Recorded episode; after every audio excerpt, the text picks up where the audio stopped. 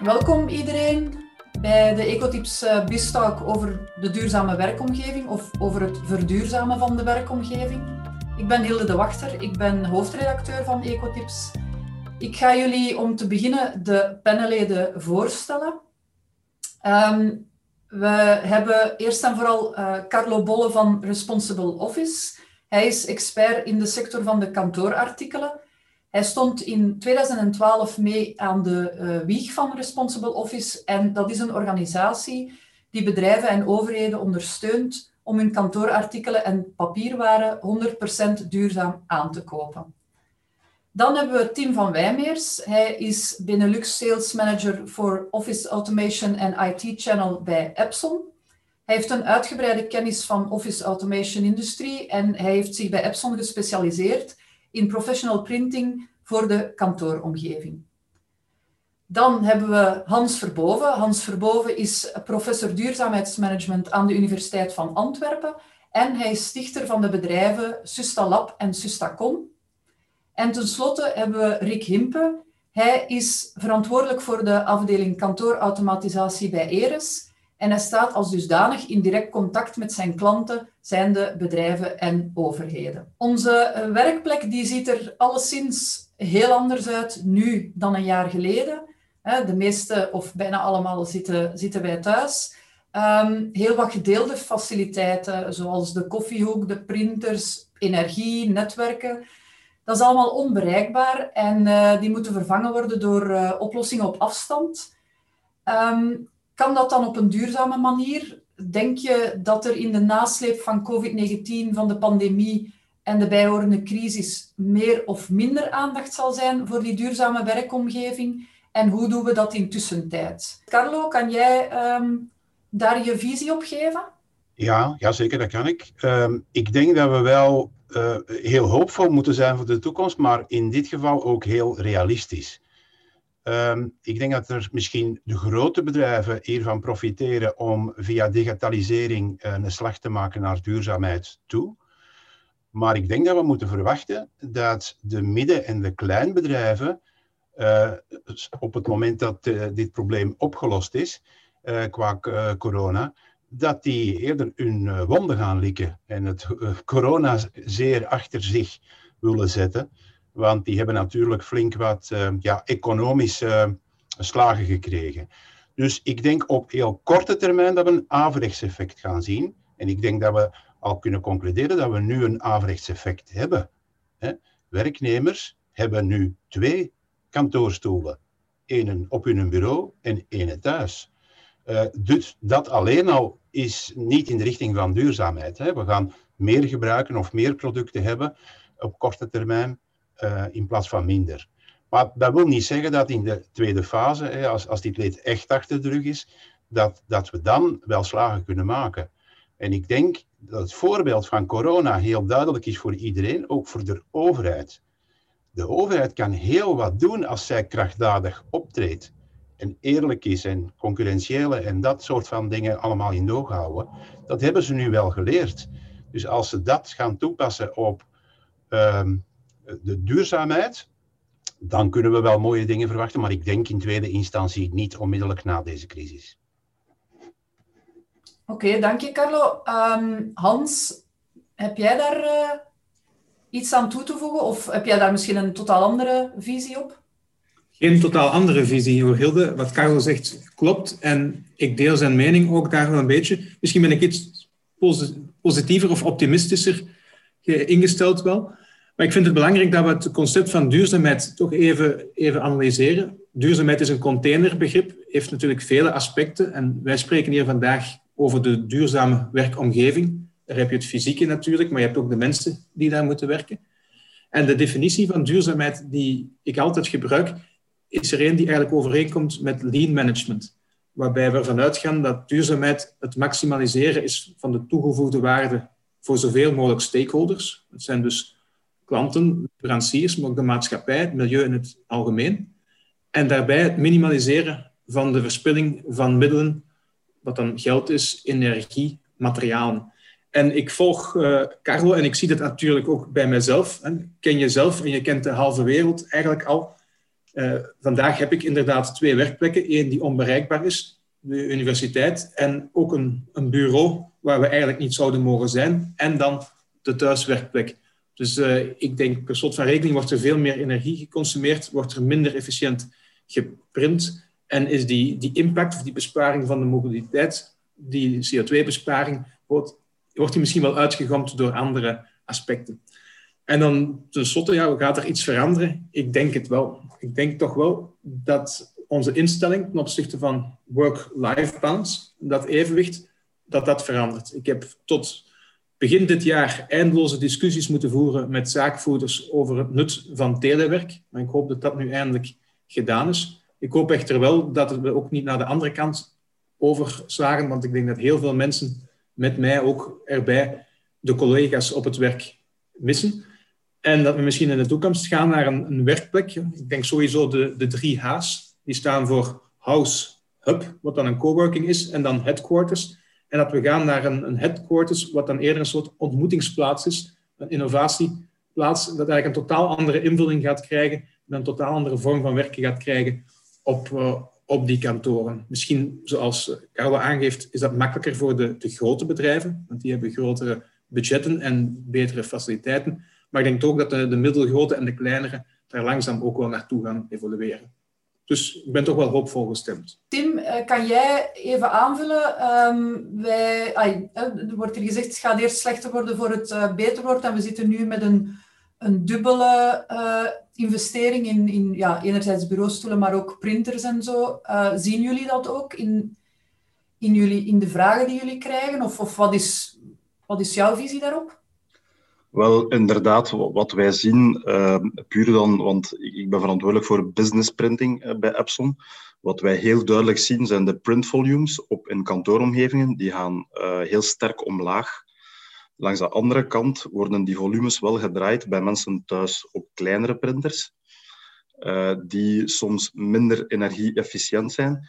En, en wij zien heel duidelijk dat volume ja, verschuiven wij zien heel duidelijk een hele uh, stijgende verkoop van, uh, van homeprinters. En uh, ja, ik, denk dat daar ook wel dan een consument die iets aankoopt voor bij hem thuis, dat, dat die ook wel kijkt naar energieefficiëntie. Van oké, hoe um, die printer, is dat een, een, printer die, die meer en meer wordt gebruikt in de thuisomgeving, is dat um, een, een toestel, een device dat energie-efficiënt is?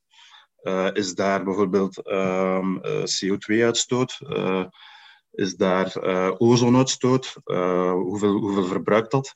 Hoe lang gaat die mee? Want we moeten zelf uit een privébudget die toestellen aankopen. En daar merken wij wel een bewustwording bij consumenten. Denken jullie dat bedrijven die, en, of organisaties die, die meer aandacht hebben voor verduurzaming, dat die er beter gaan uitkomen uit de crisis of slechter? Of heeft het ene geen impact op, uh, op het andere?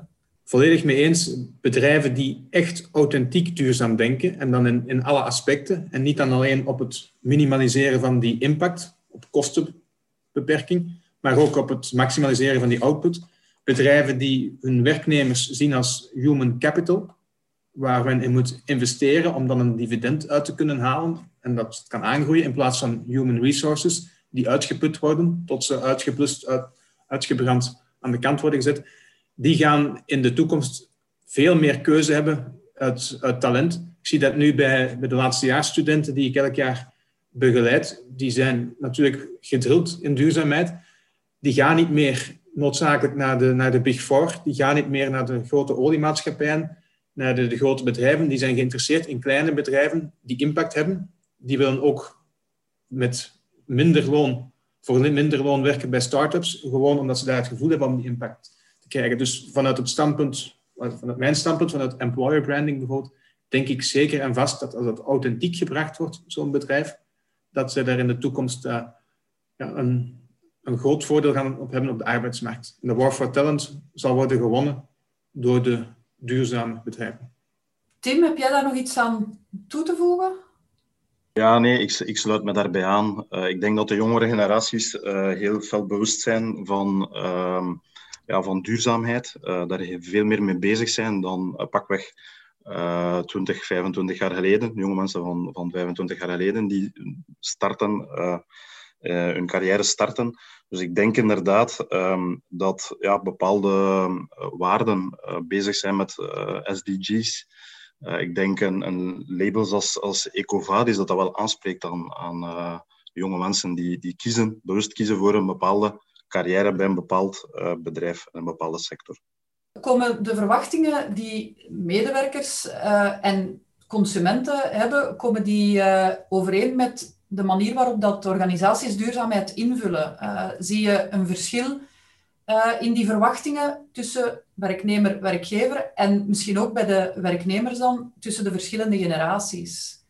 Ik denk dat het feit een beetje onze taak is, dat we een missionaris taak hebben om, om daar naar de bedrijven te gaan, om ze ook een beetje te, te tonen wat duurzaamheid kan inhouden. Als ik mij dan beperk tot multifunctionele printers bij feite, uh, moeten wij dan in feite tonen, wij, wij zijn de verdeler van heel wat verschillende merken, maar wij moeten kunnen tonen dat duurzaamheid uh, ook kan betekenen dat dat de kosten naar beneden kan doen gaan. als duurzaamheid ervoor zorgt dat in de tijd dat we zijn de kosten ook gaan stijgen, denk ik dat dat rap in de koelkast gaat gestopt worden. Als we natuurlijk naar de klant kunnen gaan en hem wijzen op de verschillende mogelijkheden, dat er nieuwe toestellen zijn. Want wij hebben bijvoorbeeld geen enkele klant uh, die ons belt en die ons vraagt, uh, geef mij een duurzaam printertoestel. Uh, wij moeten dat zelf aankaarten, wij moeten dat zelf naar voren brengen en dan ook de verschillende economische voordelen uh, ecologische voordelen van die toestellen naar voren brengen. En op het moment dat dat ook dan gepaard gaat uh, met een kostendaling, uh, wordt het dan wel rapper voor die duurzaamheid. Hans, daar, zie jij daar een verschil tussen de verwachtingen van werknemers, werkgevers en bij de, tussen de generaties? Ik denk dat sowieso, het is een beetje een cliché, we staan de jongere generaties er meer voor open, maar zij hebben meestal nog niet het geld en de betalingsbereidheid voor duurzaamheid uh, is, is er niet altijd. Wel de lippendienst die men doen. Het is een soort uh, inspanningsverbindenis waarover men spreekt, maar geen resultaatsverbindenis die men, men levert. Dus ik zie daar wel in de praktijk, ook bij de vele bedrijven waar ik actief ben, wel een aantal problemen. Dat die verwachtingen uiteenstemmen, dat men het wel graag doet, maar het in de praktijk moeilijk kan waarmaken, zoals als Rick eigenlijk al schetste. Ik kan u daar een, een, voorbeeld van geven. In de bouwsector bijvoorbeeld, bij een aantal aannemers die best wel heel goede circulaire alternatieve bouwmethodes kunnen aanbieden aan klanten, die ook bepaalde technieken via geothermie kunnen aanbieden, waarvan dan zelfs nog bewezen is dat over een levenscyclus van 30 jaar deze uiteindelijk ook financieel een rendement geven. Dus de totale kost van levenscyclus is dan beter. En toch stoten zij daar heel dikwijls op inertie. En die inertie komt er dan dikwijls ook wel vooral bij de overheid en bij heel grote bedrijven. Ik zie daar een belangrijk verschil met de cultuur van familiebedrijven. Ik heb zo de, de echte indruk dat in familiebedrijven het veel makkelijker is om ook op, op die lange termijn te denken en dat men daar een evenwichtigere keuze maakt tussen bepaalde financiële aspecten en eerder maatschappelijke en milieuaspecten. En daar zijn die verwachtingen allicht makkelijker op elkaar in te spelen, is dat beter te managen dan uh, in hele grote bedrijven waarbij de beslissingsnemers het dikwijls wel graag willen, maar ook gedwongen zijn door een, uh, een, dwang om elk kwartaal bepaalde budgetten en bepaalde besparingen of marges te realiseren. Dus daar, daar zie ik wel een groot probleem. Uh, Tim, denk ja, jij daar... Ja, ik, ik, ik, zie voornamelijk, hè, iedereen uh, staat heel erg open, zowel uh, hele grote corporate uh, ondernemingen als, als familiebedrijven, voor duurzame oplossingen in de printmarkt zeker en vast. Iedereen wil, wil weten wat de ontwikkelingen zijn, wat mogelijk is, maar het mag niet te veel meer kosten dan een oplossing. Dat merken wij wel heel duidelijk. Uh, niet tegenstaande kan je soms ook inzichtelijk, een bepaalde hidden cost inzichtelijk maken. En dat doen wij bijvoorbeeld met onze uh, printtechnologie, um, waarbij wij een, een optimalisatierapport maken, uh, waarbij we bijvoorbeeld voor bedrijven het, het stroomverbruik in kaart brengen. aan de hand van bijvoorbeeld een, een energiemeter dat wij geven, waar zij aan twee verschillende devices in real time kunnen zien via een applicatie wat het verbruikt. Als we dit extrapoleren naar een, groter printerpark, dan kom je uh, echt wel tot, tot bepaalde hidden costs die niet meegerekend worden in een, uh, in een tender, maar ook bijvoorbeeld in een openbare aanbesteding. Want ik hoor Carlo daar straks zeggen, de overheid ja, die, die, moet inspan die moet meer inspanningen doen. Ik, ik ga daarmee akkoord. Als we bijvoorbeeld kijken uh, in Nederland, hè, want ik ben ook verantwoordelijk voor, voor, voor onze Noorderburen, de business daar, dan zien we dat zij werken bijvoorbeeld met een uh, CO2-prestatieladderlijst, waar bedrijven een bepaalde score krijgen die gelinkt is aan hun CO2-uitstoot en die ook wordt gebruikt als gunningscriteria bij overheidsopdrachten. Wat heeft er dan een impact op, op die verduurzaming? Heeft technologie daar een rol in te spelen in, uh, in die duurzame werkomgeving? Um, en op welke manier zou dat dan uh, moeten zijn? Tim, misschien dat we dan even bij jou verder gaan. Ja, inderdaad, want ik, ik haalde het al aan. We hebben een, een, met, met Epson een, een bepaald concept hoe we printing benaderen. En um, het is eigenlijk zo, als we de totale printingmarkt bekijken in al zijn verschillende toepassingen, dan zien wij dat uh, inkjet-technologie um, ja, het, het, het, grootste deel van die markt uh, voor zijn rekening neemt. Dan denk ik aan large format printing, etikettenprinters, solventprinters. Uh, nu, als we naar puur de office-omgeving kijken, ja, dan zitten we met een hele grote dominantie bij laserprinters. Nu, het, uh, en zonder te fel uh, technisch in detail te gaan, uh, maar een laserprinter, daar zitten heel veel verschillende onderdelen in. ik denk aan een fuser, developer, drum fixing unit. En die werkt met verwarming. dus men gaat eigenlijk heel plastisch uitgedrukt toner bakken op een papier. wat Epson met name gedaan heeft, wij hebben uit de verschillende printtoepassingen hebben wij de printkoppen doorontwikkeld naar de Office-markt. Dus wij kunnen uh, in Office Business Printing uh, met inkjet een, uh, via een procedé van heat-free printing, enkel een printkop die zonder opwarming prints gaat maken, kunnen wij dit aanbieden in de Office-markt. En ja, het, grote verschil is dat wij 95% minder energie verbruiken. Dus onze devices um, hebben ook veel meer, minder onderdelen. Die zijn ook veel minder onderhevig aan slijtage, want het is niet telkens opwarming en afkoeling. Die onderdelen moeten niet vervangen worden, zoals in een, een laserprinter. En uh, daardoor zijn wij uh, ja, ook veel duurzamer. En die technologie is niet nieuw, maar in de businessmarkt zijn wij toch heel hard aan de weg aan het timmeren. En zijn we met een, een, een marktaandeel van ja, rond de 1%. Uh, zien wij uh, dat dat echt uh, ja, verder stijgen. En daar investeren wij ook heel hard in. Oké, okay. Riek, misschien kan jij aanvullen hoe dat dan naar de markt, hoe zie jij dat dan naar de, naar de bedrijven gaan? Wij ervaren in feite dat, dat de bedrijven um, hebben in hun mind het idee van inkjet is in feite een huistuin- en keukenprinter. Uh, en dat moeten wij als, als sales manager uh, trachten over te brengen naar de klant toe.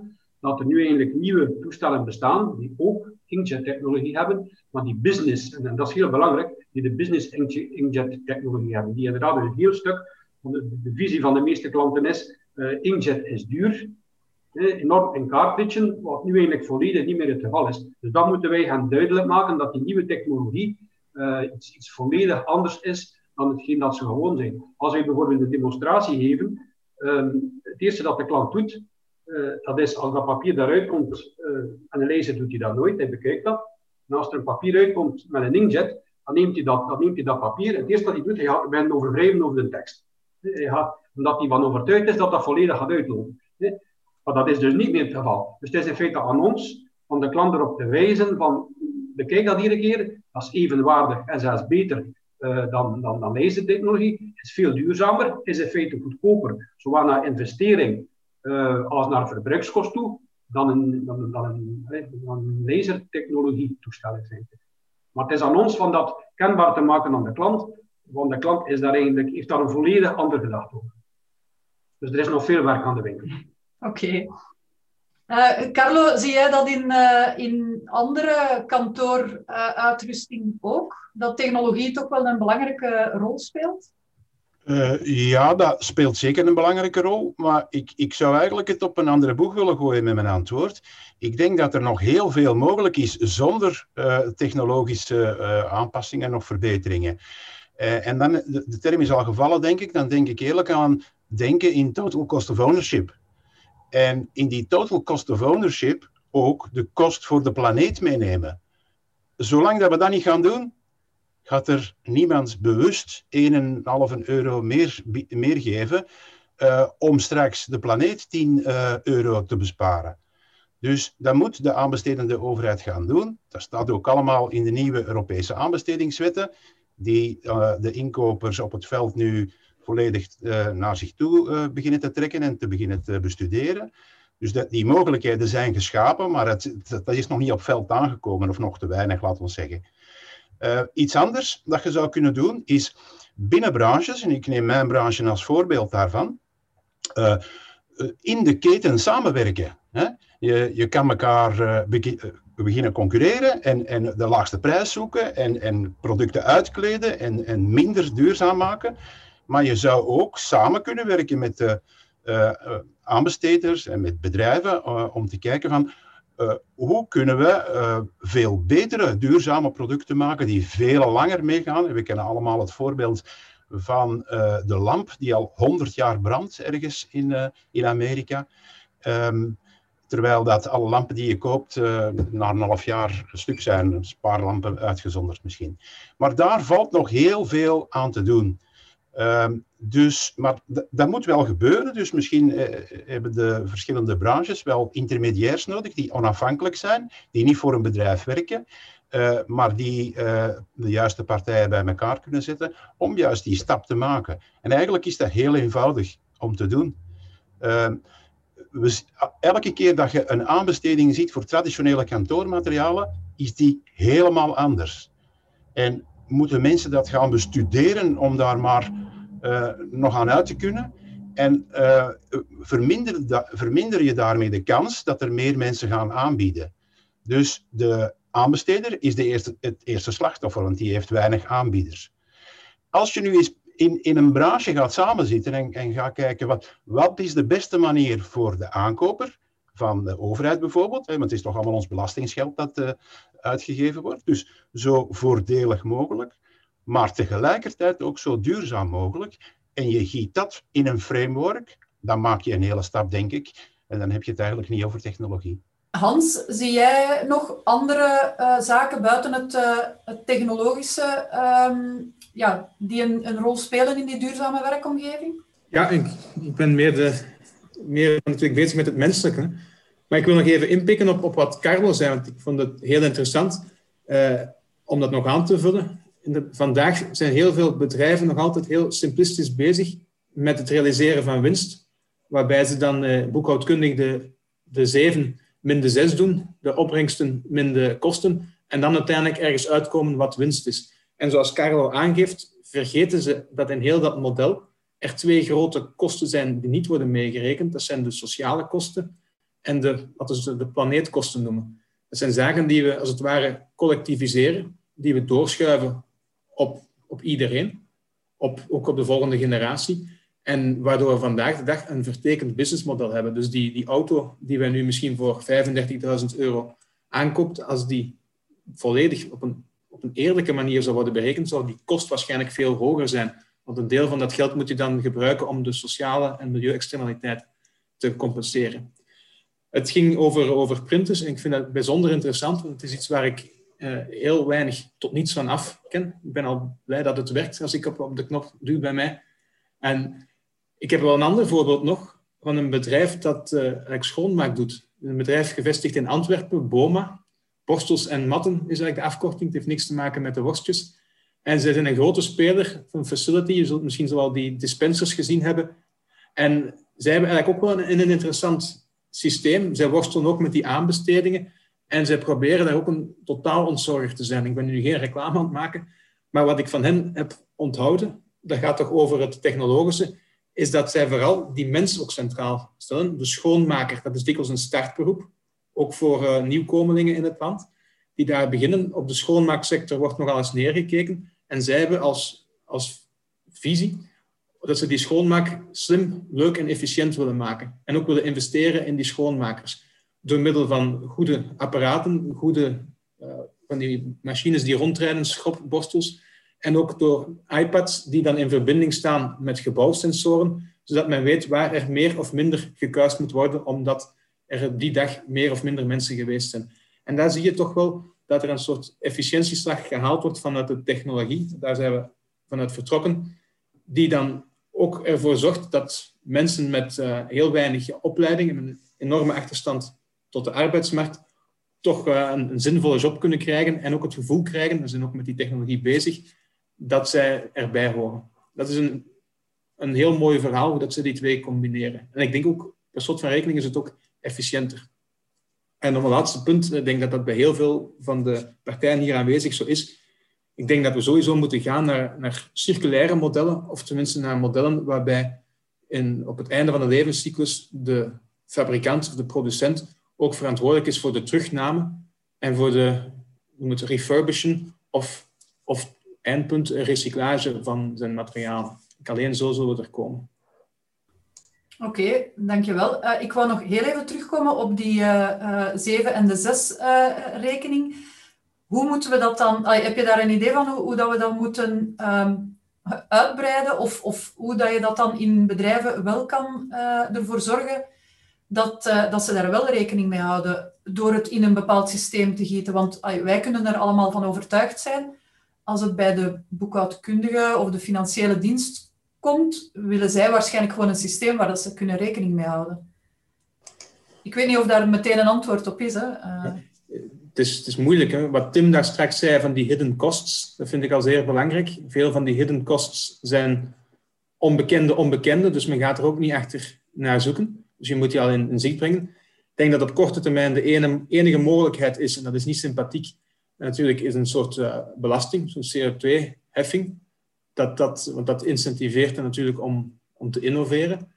En, en verder, ja, dus niemand wil graag veel bijbetalen. Het probleem van de, de marktwerking vandaag, van de onzichtbare hand, is dat ze op dat vlak niet werkt. Want diegenen die wel moeite doen in compensatie, die prijzen zich uit de markt voor degenen die geen moeite doen. Dus daar is toch wel een regulerend kader voor nodig, denk ik, dat van de overheid zal moeten komen. Maar dan zo breed mogelijk, want als we dat alleen op Belgisch, Europees niveau gaat doen, dan zijn we natuurlijk ook minder concurrentieel ten opzichte van andere landen.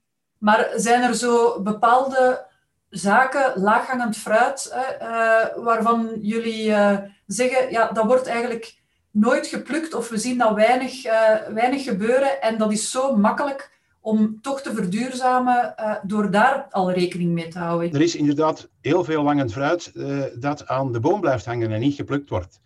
Um, en ik, als voorbeeld heb ik daar Responsible Office, hè, het initiatief dat we met de vakfederatie ja, bijna tien jaar geleden hebben genomen.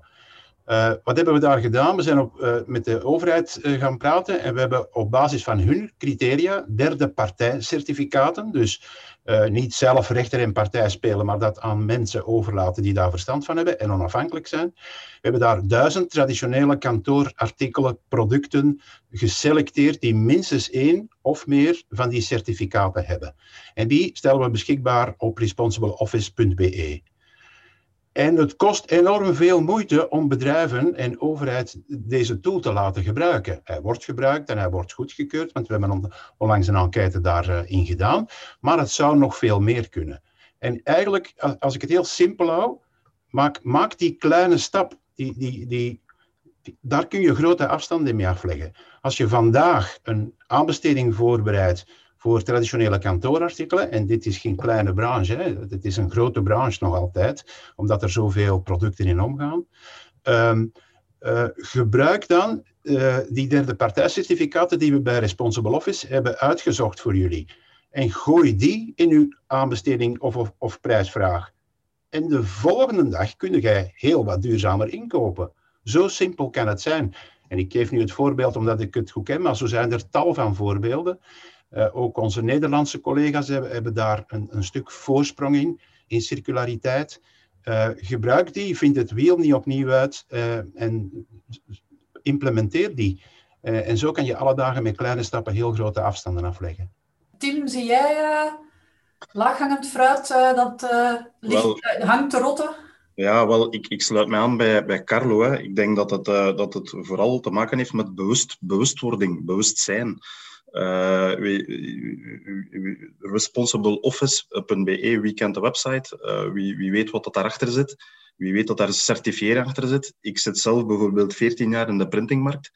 Tot een, een, een, een, anderhalf tot twee jaar geleden was ik ook me niet 100% bewust van het feit dat als je lasertechnologie vergelijkt met inkjet, dat er een heel erg groot verschil is uh, op vlak van duurzaamheid, op vlak van energieverbruik.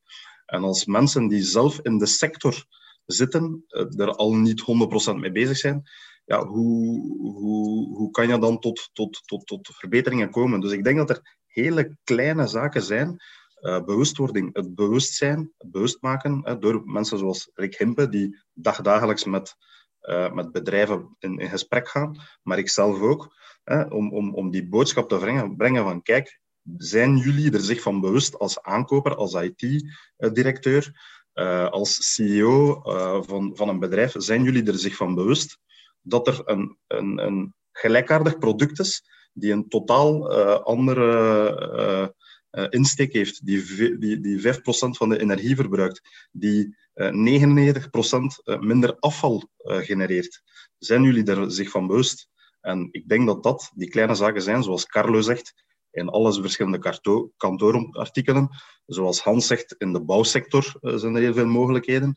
Alleen die moeten ook benut worden. Rick, wat, uh, wat zie jij gebeuren uh, bij bedrijven waarvan dat je zegt, allee, dat is nu eigenlijk stom? Oh, in feite, als ik dan terug naar de printermarkt in feite erop baseer, is het zo dat eigenlijk heel simpele dingen. Um, de machine bijvoorbeeld standaard, en dan praat ik los van lasertechnologie of inkjet-technologie, machine standaard op recto verso zetten van printing. Dat kan er al voor zorgen dat er een stuk minder papier en minder verbruik van papier in feite naar voren komt. De machine standaard, standaard zetten, uh, en dat hebben wij ervaren, dat er niet onmiddellijk als geprint, dat het wordt uitgeprint, maar dat het wordt geprint uh, naar de harddisk van de machine. Uh, wij ervaren als dat gebeurt, dat uh, het printervolume met 25 tot 30 procent naar omlaag gaat. Gewoon omdat, veel keer gebeurt het niet. Uh, we hebben een document van 30 bladzijden. We printen het uit. Het komt eruit. Op het moment dat het 29ste blad eruit is, komen we tot de constatatie dat we toch nog een probleem hebben op dat derde en dat vijfde en dat zesde blad. We passen daarop aan en we gaan het opnieuw gaan uitprinten. En zo doen we dat drie, vier keer. Uh, als we eerst naar de harddisk van de machine gaan printen, dan komt dat daar niet uit. En dan kunnen we op een heel eenvoudige manier de eerste drie pakketten uh, cancelen en zeggen, voilà, dat vierde pakket is niet correct, uh, dan mag er eruit komen. Dat is voor mij laag, laaghangend fruit. Hans, zie jij uh, bij de begeleiding van bedrijven zaken waarvan dat je denkt, dat zijn eigenlijk makkelijke dingen die ze meteen kunnen oplossen?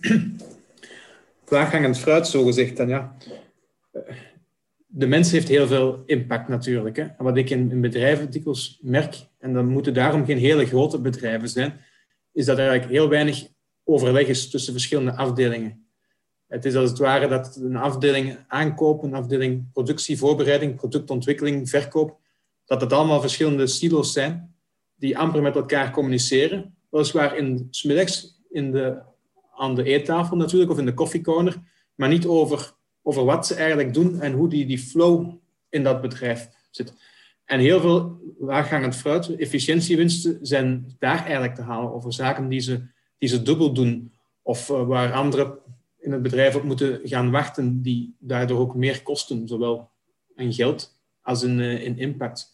Dus uh, een van de zaken dat ik altijd eerst probeer te doen, is in kaart brengen wat er door wie wordt gedaan en wie van elkaar ook weet wat die persoon doet.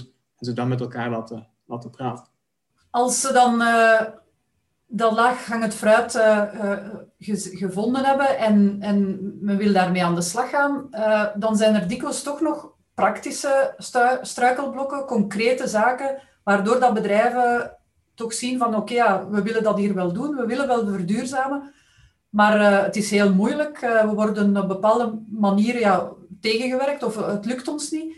Uh, wat zijn zo concrete struikelblokken die jullie, uh, die jullie tegenkomen dagdagelijks? Hè? Want we kunnen wel de grote zaken hier verkondigen, maar het moet praktisch, concreet moet je het kunnen doen natuurlijk. Ja, maar dan heb ik, dan heb ik het vooral over openbare aanbestedingen. als wij nu bijvoorbeeld een openbare bestek krijgen voor een openbare aanbesteding, en daar staat in een van de minimale criteria dat het toestel moet lasertechnologie zijn, ja, dan mogen wij in al de boeken toedoen. Dan moeten we de rest van de 25 of 30 bladzijden van het bestek niet meer lezen, want dan weten we dat we niet kunnen aan voldoen.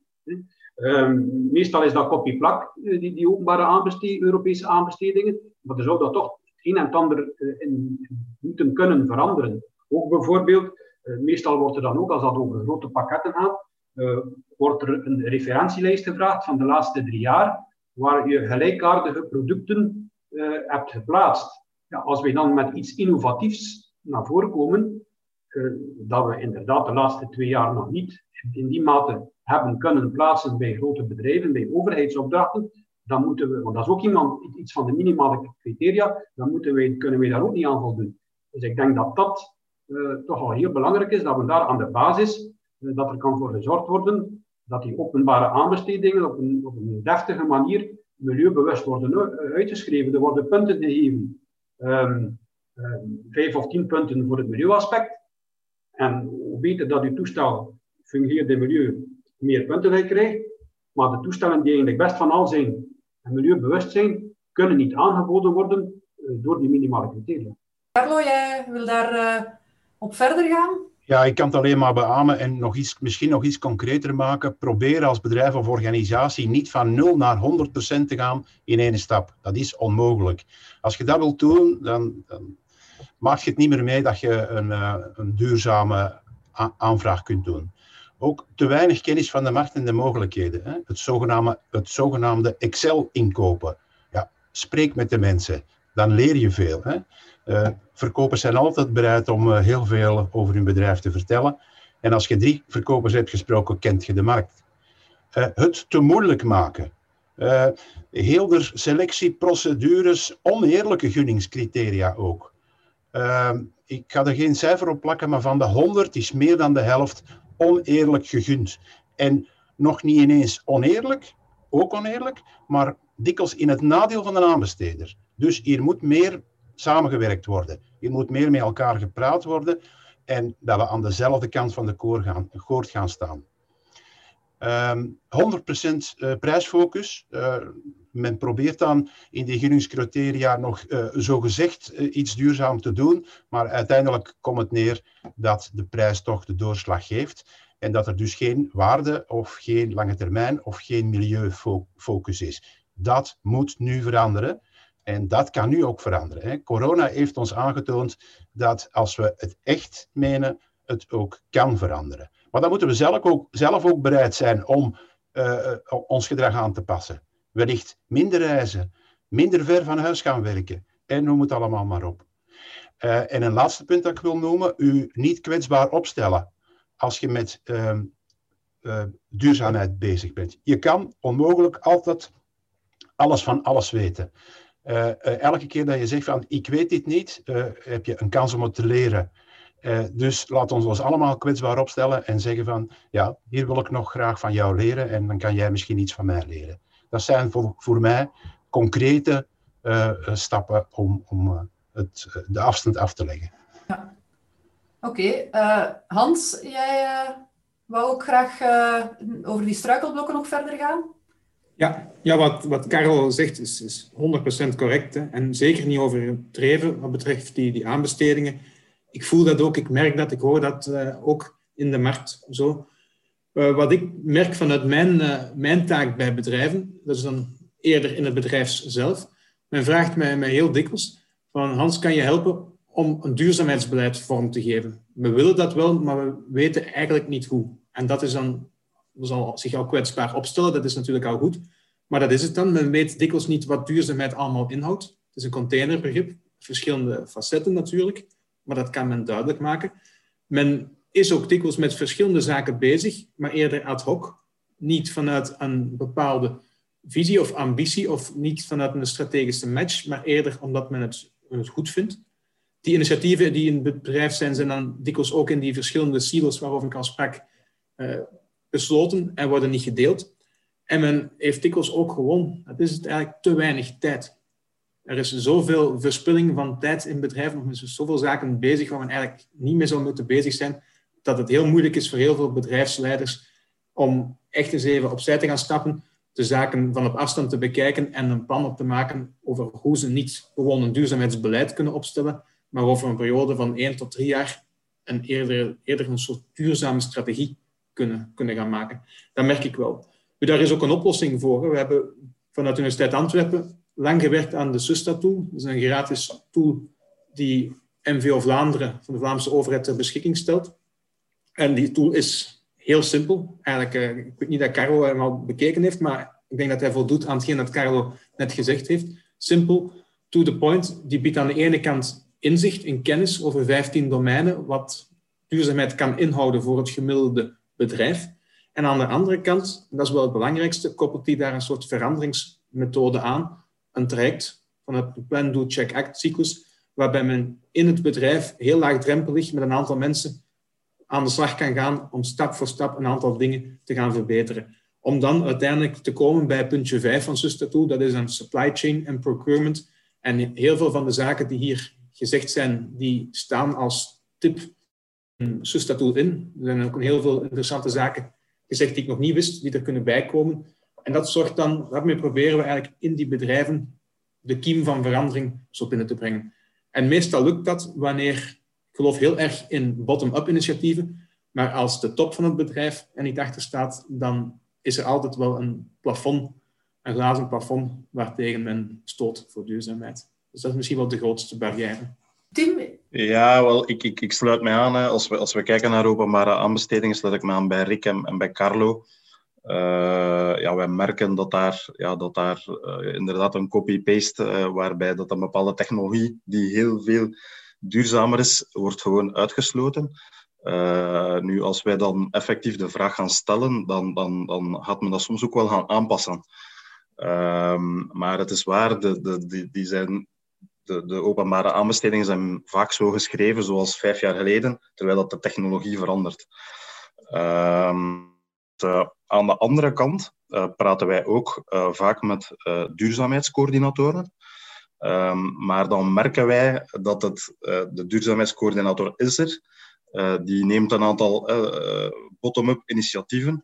Maar um, ja, als, als je dan kijkt naar de budgetten die ervoor zijn, dan, dan praten we over iets anders. Dan denk ik bijvoorbeeld aan onze, onze oplossing Paperlab. Paperlab is een, um, eigenlijk een autonome kantoormachine. Dat is wel groot uitgevallen voor grote organisaties, die uh, in-house je papier gaat recycleren. En uh, op fiberniveau gaat afbreken en niet papier maakt in uw kantooromgeving zonder het gebruik van water, of verbruik van water. Revolutionair, dus is een totaal nieuwe technologie. wij hebben het, we zijn het nu aan het vermarkten in Europa.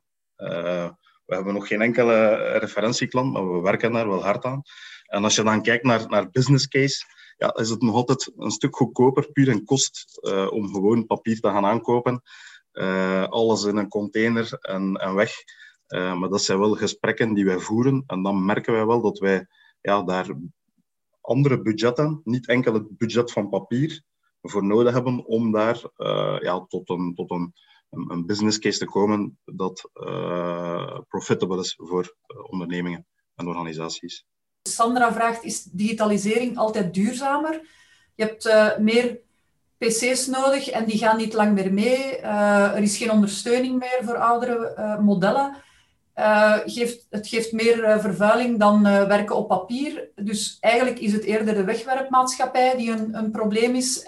Um, en niet ja, technologie of, of geen technologie gebruiken. Carlo? Ik denk dat dat inderdaad een feit is. Hè. Producten zijn gemaakt om op een bepaalde periode kapot te gaan. Wellicht net nadat de, de garantieperiode vervallen is. Daar moeten we natuurlijk van weg. Hè. Je kan perfect PC's maken of andere technische producten die veel, veel langer meegaan. Natuurlijk, het enige wat tegenspreekt is dat de technologie vooruit gaat en er straks weer nieuwe, betere oplossingen voorkomen.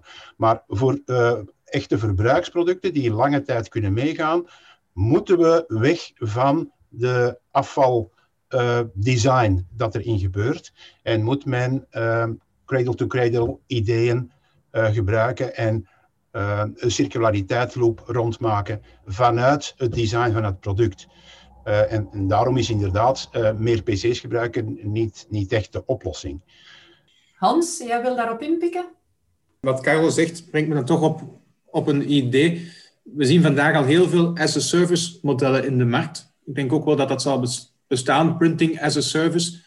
Bij computers is het mij nog niet bekend, maar heel veel, voor heel veel zaken wordt dus het gebruik van, het, uh, van of de ervaring aangeboden en niet zozeer het bezit. En ik denk als we leveranciers die op die manier denken, die kunnen ook circulair denken, want blijft de, de leverancier of de, verkoper blijft eigenlijk eigenaar van het product en heeft er natuurlijk alle baat bij om op lange termijn te zorgen dat zijn, zijn gebruiker, de consument, een goed apparaat krijgt. En als dat kapot gaat, dan wordt dat ook vervangen, of dient hij dat ook te vervangen. Dus die, die tegenstelling van ik wil iets maken dat goed is tot na het einde van de garantieperiode, om dan iets nieuw te verkopen, die wordt met as-a-service modellen wel opgelost. Dat is misschien een, een mogelijke trend. Ja, ik denk dat we dan, uh, dan eerder naar het, uh, een, een subscription model gaan of een, uh, een, ehm, ja, een, een as-a-service model waarbij ja, de, de, de, de, de, printers worden geleverd met een onderhoudscontract waarbij de aanbieder ehm, ja, alles voor zich neemt en waarbij je gewoon het gebruik betaalt aan de hand van een, een prijs per afdruk. Dat bestaat al heel lang in onze markt. Oké, okay. uh, eh, Carlo, jij wou ook uh, daar uh, nog op inpikken? Ja, als een service is natuurlijk prachtig, maar dat kan niet gebeuren met standaard producten. Want het enige wat er dan gaat gebeuren is dat de consument meer gaat betalen voor hetzelfde. op voorwaarde dat de prikkel er is voor de fabrikant om een beter product te maken dat langer meegaat. Hè, dat zien we nu ook met de verlichting. Dat zijn totaal andere armaturen en lampen dan degene die vroeger werden verkocht dan kan als een service uh, een uh, circulariteit of duurzaamheidsvoordeel geven. Anders niet, denk ik. Heel kort naar Carlo toe. Misschien moeten wij als consument wel, ons er wel van bewust zijn dat we vandaag de dag gewoon te weinig betalen voor bepaalde diensten. En dat we die inefficiënties in de markt zo in, in stand houden. Ik denk dat daar een, een eerlijker model rond kan gemaakt worden. Dus ik, ik, hoop er toch nog op. En ik heb nu gezien, bedankt aan, ook aan, aan de verschillende opmerkingen die in de chat komen, dat het bestaat, dat zelfs computing as a service bestaat. Dus dat is weer iets bijgeleerd. Bedankt daarvoor. Het gaat het ook niet over het inktverbruik. Hè. Ik denk dat een uh, particulier eerder gaat kijken naar de inkt en, uh, en niet, of te weinig misschien, naar het energieverbruik. Ik denk dat dat uh, volledig compatibel is met de printers dat wij momenteel voorstellen op inkjet, duurzame, duurzame business inkjet technologie. Die toestellen zijn, als we dat dan vergelijken, bijvoorbeeld voor het telewerken, als we kijken naar een toestel, dat moet geen mastodont zijn, dat mag geen mastodont zijn als dat voor bij ons thuis zit. Dat, dat moet een redelijk elegant toestel zijn.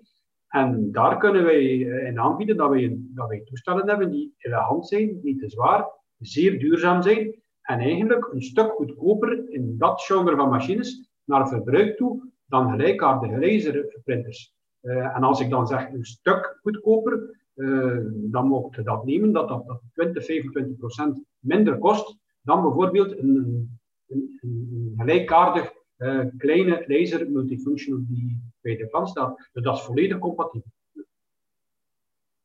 Oké, okay, dankjewel. Tim, wil jij daar nog iets aan toevoegen? Ja, nee, inderdaad. Ik denk dat je ook naar de. Naar, inderdaad, het, is, het, is, het is al gezegd geweest dat je naar de TCO moet kijken. Ga je meer investeren uh, als consument? als je weet dat je veel meer gaat printen voor, uh, voor, voor, voor werkdoeleinden, um, waarbij dat je dan de kost per afdruk gaat dan veel lager zijn door een initiële hogere investering voor het device, dat dan ook langer meegaat. En dat is wat je in totaliteit moet bekijken. Hè. Ja. Ja, misschien Mona heeft eigenlijk een vraag die daar een beetje op aansluit. Hè. De, het verminderde verbruik, minder onderdelen, weegt dat op tegen de impact uh, op het milieu om een nieuw toestel aan te kopen en dan een nog werkende printer eigenlijk ja, in de vuilbak te kieperen, zal ze wel niet doen, maar um, ja, te vervangen eigenlijk. wat is daar de visie op? Of is dat toestelafhankelijk? Ja, is, dat, dat, dat, is een goede vraag. Um, het is zo, vandaag in de printermarkt, als ik, als ik puur kijk naar, naar business printing, ehm, dan, dan, dan werkt men met contracten, werkt men in leasingformules. waarbij na x aantal jaar, standaard kijken wij vijf jaar, gaat een, een device mee. En de afgelopen decennia is het zo dat de prijzen van de afdrukken, dus de, de, de prijs per kopie, heel fel gezakt is. Ook het verbruik van bijvoorbeeld tonerpartikels, dat ook een, een, een deel uh, ja, duurzaamheid in zich heeft, is veel naar beneden gaan. Kwaliteit is omhoog gegaan met minder uh, middelen, met minder grondstoffen, om het zo te zeggen. Uh, dus, dus zowel op vlak van ja, lifetime van, van uw product als op vlak van kosten is het zo dat er, ja, zoals ook bij PC's die, die, die, die technologisch achterhaald worden, uh, is het zo dat je die, ja, die lifecycle hebt en die is op dit moment vijf jaar. En dan wordt dat effectief ook interessant voor bedrijven om te veranderen. Waar het grote verschil zit met, inkjet en uh, laser, zijn de onderdelen in die machine gedurende die uh, lifecycle. En uiteraard, hoe langer we de machine kunnen gebruiken, hoe beter. Uh, alleen als telkens opnieuw de verschillende onderdelen in die machine moeten vervangen worden, ja, dan, dan zit je, uh, is dat een, een, een, een gelijkaardig verhaal. En daar met name gaan wij het verschil maken met de inkjet-technologie. Als er nu drie dingen zijn, of één ding, uh, het belangrijkste, waarvan je, dat je zegt als mensen hier afsluiten, dat, dat is wat ze moeten onthouden van, van deze sessie over de duurzame werkomgeving wat is dat dan? Wat geven jullie mee uh, om over na te denken uh, tijdens, uh, tijdens de lunch? Tim, ja, ik denk dat jij mag starten. jij bent nog een mute. Ik zou zeggen, hij is, hij is, hij is een, een analyse maken van, van, het, van het printerpark dat jullie hebben. wij weten uit de markt dat 90% van de office-omgeving bestaat uit, uit laserprinters. ga, eens, ga eens gaan kijken, hè, wat is uw totale park en ik zou zeggen, schakel ons in. Wij kunnen het volledig inzichtelijk maken wat uw energieverbruik is, wat, uw, eh, wat de impact zou zijn moest je het gaan churnen naar, uh, naar uh, inkjet-technologie. Oké, dankjewel uh, Tim. Carlo? Drie dingen is niet gelukt, zijn er iets mee geworden, maar ik, ik loop ze snel door. Kijk wat er al is. Vind het warm water niet steeds opnieuw uit. als je kantoorartikelen nodig hebt, ehm, tik je in Google duurzame kantoorartikelen en je komt vanzelf bij Responsible Office uit. Begin vandaag. Uh, de tijd dat we tijd hadden om te leren is voorbij. We moeten er gewoon in praktijk brengen. Kies zorgvuldig intern in je organisatie je teams. enthousiasme gaat boven kennis, volgens mij. Mensen die enthousiast zijn, die zullen die kennis wel verwerven. Begin met niet complexe producten. Dus kantoorartikelen zijn de beste producten om uh, duurzaam te, in te kopen, te oefenen. Uh, leer functioneel te specificeren in plaats van technisch. Vraag licht en geen lamp. Um, echte winst voor de inkoper zit in de specificaties, niet in het tegen elkaar uitspelen spelen van uh, partijen op de markt. Uh, er is ooit iemand die zei: een betere wereld begint bij het stellen van een betere vraag. En dat zou waar kunnen zijn. En probeer ook langere uh, contracten te maken, niet één of twee jaar, want uh, investeringen moeten door marktpartijen kunnen terugverdiend worden. Retourlogistiek kost geld nu nog. Als straks de grondstoffen zo schaars worden dat ze heel duur zijn, zal het waarschijnlijk interessant zijn om retourlogistiek te doen, maar nu kost het nog geld aan de aanbieder.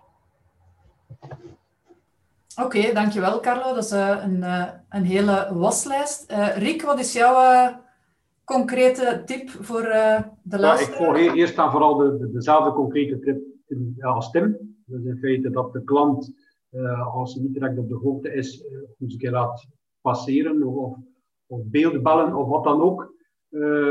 om te zien wat de mogelijkheden zijn naar, naar ecologie toe. Wij zijn, wij zijn bijvoorbeeld ook niet enkel verdelers van, van inkjet-technologie, maar ook van lasertechnologie. En wij kunnen alles naast elkaar plaatsen bij de klant om te zeggen, kijk, voilà, dat zijn de mogelijkheden, dat zijn de voor- en nadelen, uh, zowel ecologisch als niet-ecologisch. Uh, en op die manier kan de klant dan toch beter, een, betere beslissing nemen. Dat is één punt. En een tweede punt wens ik ook nog een keer te hameren op de bestekken van de openbare aanbestedingen, die toch beter iets veranderen en, en een beetje minder minimale uh, criteria moeten uh, erop staan.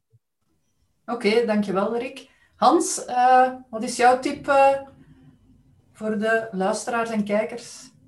heel kort, uh, motiveer je mensen. Zorg dat ze de zin ervan inzien. Dat ze de goesting hebben om eraan te beginnen. En uh, inderdaad ook zorg dat ze ervan overtuigd zijn, dat ze geloven dat elke kleine stap voorwaarts er effectief in is. En dat ook symbooldossiers belangrijk zijn. Dan zou ik graag uh, iedereen bedanken voor de deelname, de mensen van het panel voor hun interessante inzichten en de luisteraars en kijkers voor hun deelname.